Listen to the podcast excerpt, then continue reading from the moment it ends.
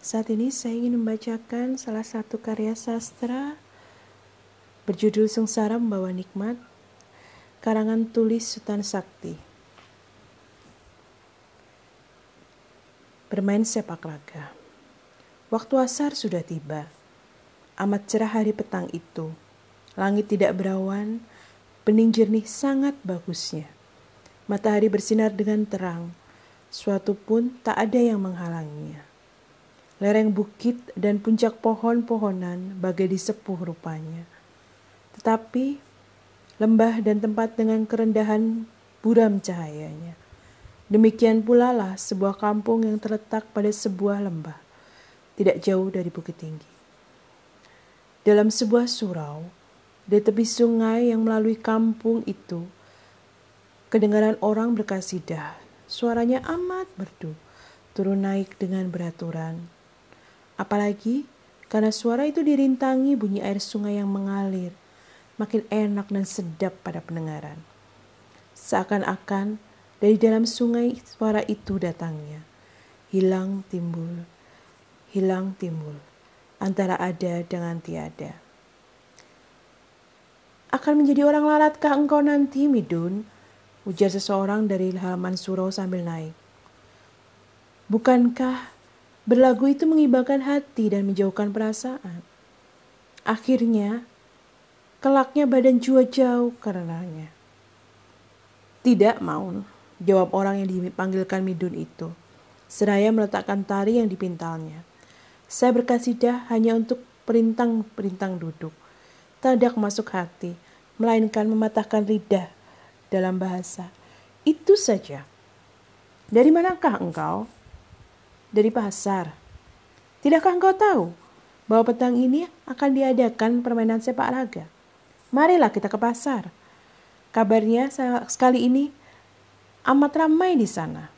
Sebab banyak orang datang dari kampung lain. Sudahkah banyak orang di pasar yang kau tinggalkan tadi? Banyak juga. Jenang pun sudah datang. Waktu saya tinggalkan, orang sedang membersihkan medan. Si kaca, kemenakan Tuanku Laras, sudah datangkah? Belum. Saya rasa tentu dia datang juga. Sebab dia suka pula akan permainan sepak raga. Midun menaik nafas. Maka ia pun berkata pula, katanya.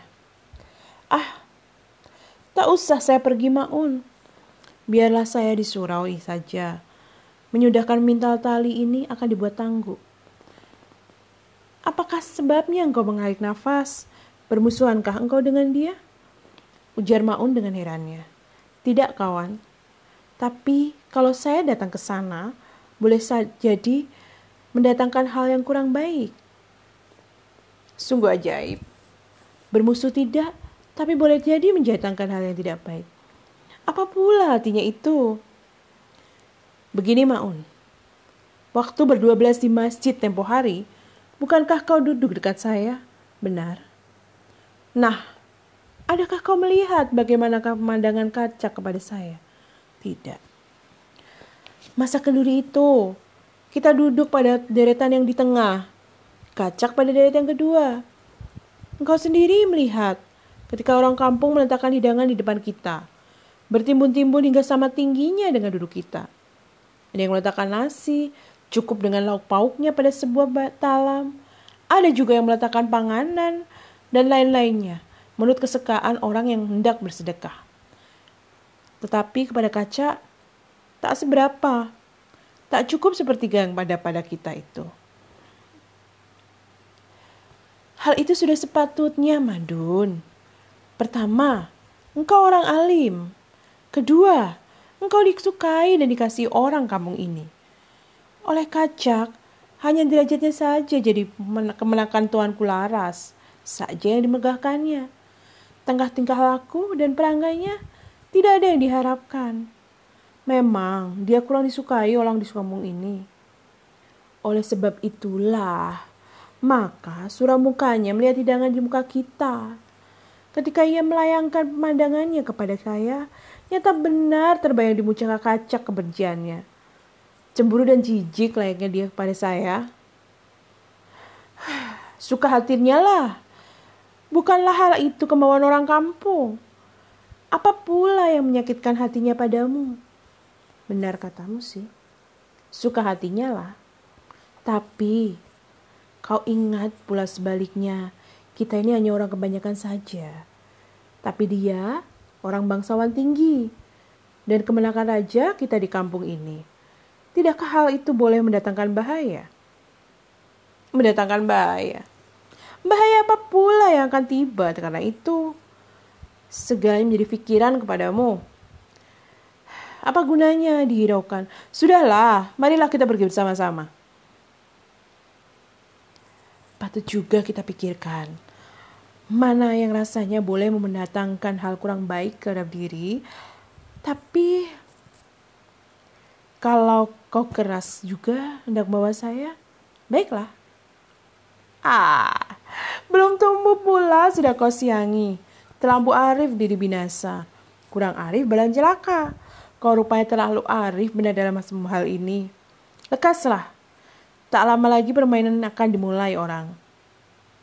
Maka kelihatanlah dua sahabat berjalan menuju arah pasar kampung itu.